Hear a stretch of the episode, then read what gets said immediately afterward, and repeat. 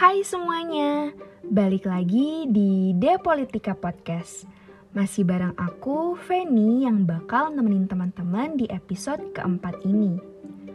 Beberapa hari yang lalu kita baru bersua sih, tapi nggak ada salahnya kan kalau aku nanya kabar teman-teman lagi.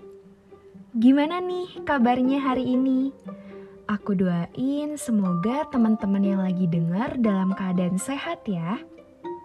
Nah, kayak judulnya, kali ini kita bakal bahas seputar birokrasi dan kecerdasan buatan. Pastinya topik kita kali ini nggak kalah seru dari episode-episode sebelumnya loh. Jadi pastiin teman-teman dengerin sampai akhir ya.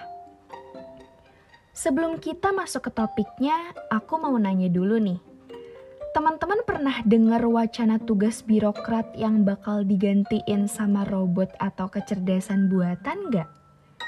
Mungkin ada yang udah, ada juga yang belum ya.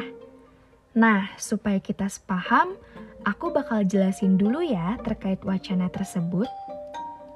Jadi, pada 2019 lalu, Presiden kita alias Pak Jokowi bilang kalau sejumlah struktur eselon kementerian lebih tepatnya eselon 3 dan 4 akan dihapus pada 2020. Buat teman-teman yang belum tahu eselon itu apa, eselon itu sederhananya adalah jenjang jabatan dalam struktur organisasi.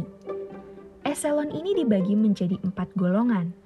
Pertama, pimpinan tinggi media, kedua, pratama, ketiga, pejabat administrator, dan keempat, pengawas. Berarti dapat kita simpulkan bahwa yang akan dihapus adalah pejabat administrator dan pengawas.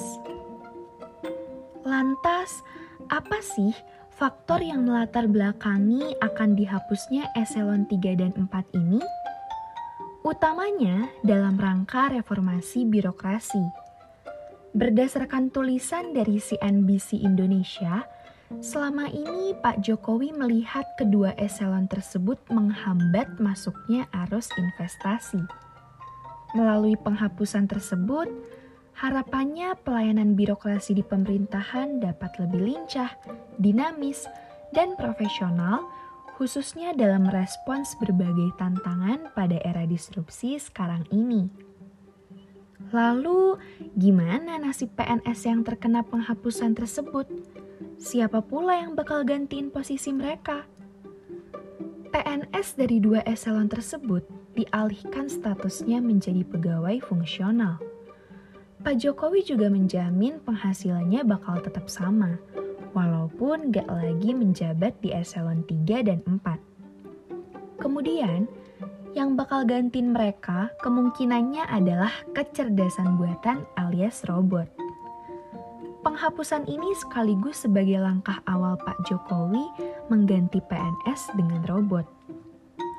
Nah, tapi di sini perlu digarisbawahi bahwasanya nggak semua PNS di eselon 3 dan 4 bakal dihapus.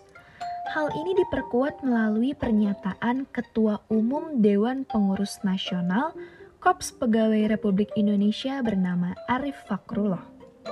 Melansir dari tirto.id, ia bilang kalau PNS yang berkualitas memadai tentunya nggak akan tergantikan oleh robot atau mesin. Yang akan dan dapat diganti dengan teknologi itu pertama, udah pasti PNS yang nggak berkualitas. Kedua, pekerjaan yang sifatnya administratif, rutinitas, repetitif, dan memiliki SOP yang jelas menurut peraturan perundang-undangan yang berlaku. Jadi, bisa dibilang kalau PNS-nya tetap ada, tapi emang jumlahnya dikurangi, sehingga ini bisa sekaligus dijadikan sebagai ajang untuk memotivasi para ASN agar berkualitas. Sampai sini teman-teman udah paham belum terkait wacananya? Semoga udah ya, biar kita bisa lanjut ke main topiknya. Seperti yang kita tahu, Dunia saat ini tengah menghadapi arus revolusi industri 4.0, di mana teknologi sudah semakin berkembang pesat di berbagai sektor, termasuk pemerintahan. Nah, Digitalisasi sistem pemerintahan seperti yang udah aku singgung di awal tadi adalah salah satu bentuk reformasi birokrasi. Berkaca dari birokrasi di Indonesia saat ini, pelayanan publik masih jauh dari kata maksimal. Jika mengutip dari jurnal ilmu pemerintahan karangan Andika Yasa dan kawan-kawan, terdapat beberapa faktor yang mendukung hal tersebut. Pertama, korupsi di birokrasi tampaknya sudah lekat dengan feodalisme karena berbagai keputusan publik dalam pemerintahan gak pernah lepas dari pola top-down. Kedua, banyak pejabat birokrasi yang melakukan penyuapan sehingga tujuan negara dalam mewujudkan kesejahteraan bagi seluruh masyarakat sulit dipenuhi. Ketiga, masih dominannya patologi birokrasi yang berbelit-belit dalam pelayanan publik dan belum mampu diminimalisasi secara optimal. Keempat, birokrasi rasanya belum siap dalam mendukung terwujudnya era Society 5.0 di mana pada era tersebut mendukung sumber informasi berdasarkan teknologi dan kesiapan para aktor dalam proses pembuatan kebijakan yang sekaligus memperhatikan aspek-aspek kemanusiaan lainnya bagi masyarakat. Oleh karena itu, untuk mengatasi berbagai permasalahan yang sudah dibahas tadi, rasanya kecerdasan buatan bisa saja dijadikan solusi untuk mewujudkan reformasi birokrasi. Namun, pertanyaannya, apakah kebijakan penghapusan sebagian eselon sudah tepat? dalam rangka memaksimalkan kecerdasan buatan. Eselon 3 dan 4 biasanya terdiri dari orang-orang terbaik yang paham terkait teknis program. Dan sejatinya mereka lagi dikadar buat jadi pemimpin. Coba deh teman-teman bayangin, ketika beberapa pejabat dari kedua eselon tersebut terpaksa dikonversi menjadi pejabat fungsional, yang mana levelnya kurang lebih jadi setara dengan orang-orang yang masuk PNS 4-5 tahun setelah mereka. Bahkan, mereka memiliki potensi ada di jabatan tersebut dalam jangka waktu yang cukup lama. Rasanya nggak adil gak sih? Masalahnya tuh bukan hanya membuat beberapa fungsi jadi nggak bisa dijalanin, melainkan juga bisa ngaruh ke mental mereka, yang mana mereka bisa mengalami demotivasi akibat pekerjaan yang terus menumpuk, sedangkan prospek kerjanya suram. Kemudian, melansir dari tirto.id, beberapa pejabat politik juga memberikan argumen terkait isu tersebut. Pertama, Ketua Umum Dewan Pengurus Nasional Korps Pegawai Republik Indonesia, yakni Arif Fahrullah. Ia bilang kalau beberapa sektor pemerintahan masih membutuhkan kehadiran ASN, terlebih dalam hal empati, kerjasama, dan kemanusiaan yang sampai saat ini belum bisa tergantikan oleh siapa pun dan apa pun, termasuk robot. Ia juga melanjutkan bahwasannya sektor pekerjaan yang dapat tergantikan oleh robot atau mesin adalah yang berkaitan dengan pengawasan teknis, operator, dan mekanis. Kedua, Direktur Eksekutif Core Indonesia, yakni Muhammad Faisal. Ia bilang kalau infrastruktur yang ada saat ini belum cukup siap untuk merealisasikan kecerdasan buatan. Selain itu, menurutnya pensiun dini nggak bisa serta-merta dilakukan. Kita nggak bisa melihat PNS-PNS tua hanya dari sejauh mana mereka paham terkait IT tetapi kita juga perlu melihat bahwa mereka punya pengalaman dan pengetahuan yang jauh lebih besar dalam memecahkan masalah dan mengambil keputusan.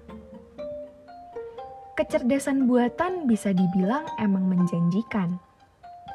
Aku sebagai salah satu bagian dari generasi Z juga lebih prefer yang praktis alias berbau teknologi sih. Tapi kalau konteksnya dalam birokrasi, ternyata nggak semudah itu. Pelayanan publik bukan hanya soal cepat, melainkan juga soal tepat. Karena kalau kita hanya berfokus pada cepat saja, tentunya akan riskan. Contohnya seperti kasus pembuatan KTP Joko Chandra di Kelurahan Grogol Selatan yang tergolong cepat tapi malah melahirkan masalah baru. Di sisi lain, penerapan kecerdasan buatan dalam birokrasi bisa memberikan kelebihan. Dalam buku yang berjudul The Virtual Public Servant, Artificial Intelligence and Frontline's Work, Stephen Jeffers bilang kalau seenggaknya ada empat permasalahan yang bisa diatasi dengan kecerdasan buatan pada birokrasi. Pertama, pengendalian, di mana pengambilan keputusan melalui kecerdasan buatan diintegrasikan dengan algoritma.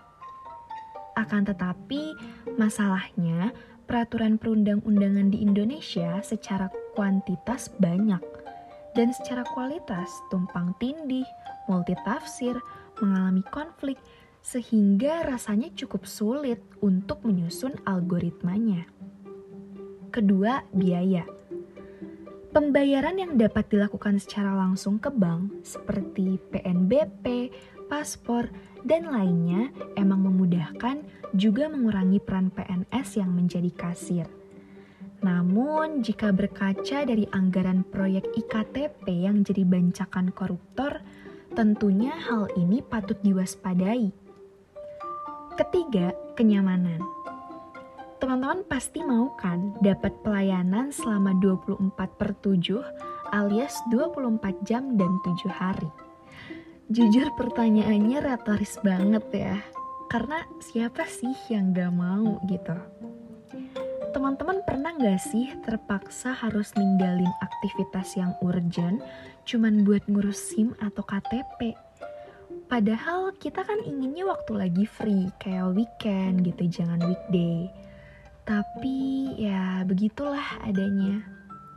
Nah, harapannya dengan kecerdasan buatan ini, kita nggak harus melulu menggantungkan semuanya pada PNS yang harus hadir di jam kerja tertentu. Terakhir, connection. Hal ini terkait relasi antara penyedia layanan dan penggunanya. Di sini Jevares menggunakan konsep media sosial yang mana saat ini media sosial pemerintah kurang responsif terhadap keluhan masyarakat yang hadir lewat kolom komentar atau DM.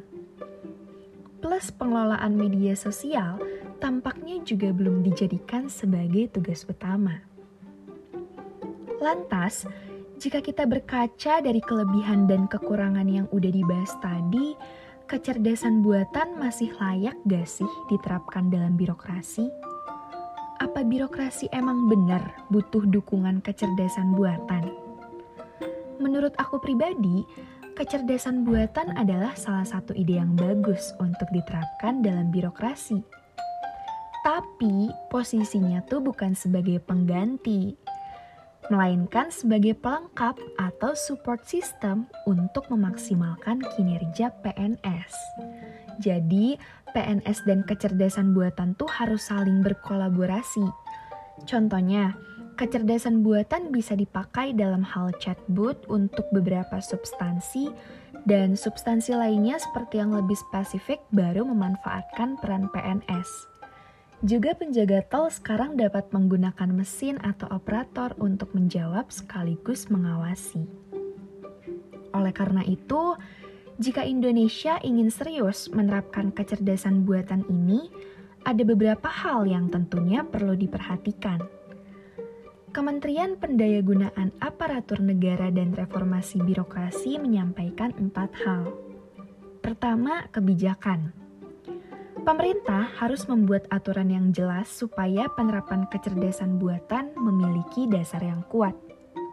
Kemudian, pemerintah juga perlu membuat aturan terkait skema dan perlindungan data pribadi masyarakat. Kedua, setiap pimpinan instansi harus memiliki komitmen yang kuat untuk menerapkan kecerdasan buatan. Ketiga, kesadaran akan pentingnya berbagi data pemerintah pusat dan daerah harus berkolaborasi menyediakan platform dengan keamanan siber yang mumpuni yang bisa diakses bersama. Keempat, pengembangan kualitas SDM agar siap berkolaborasi dengan teknologi. Nah, sampai sini teman-teman udah paham belum? Emang cukup menguras pikiran ya topik kita kali ini. Biar lebih mudah pemahamannya, aku izin menyimpulkan ya.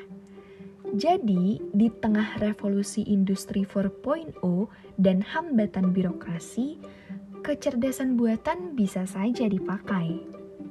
Tapi yang perlu digarisbawahi adalah posisi kecerdasan buatan bukan sebagai pengganti, melainkan sebagai pelengkap.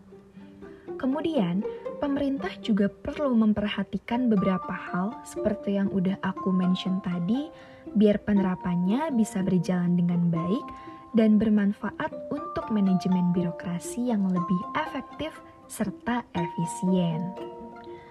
Oke, Kesimpulan tadi sekaligus menutup pembahasan kita pada episode keempat ini. Semoga pembahasan kita kali ini bisa mencerahkan pemikiran teman-teman ya. Sampai jumpa di episode selanjutnya. Dadah!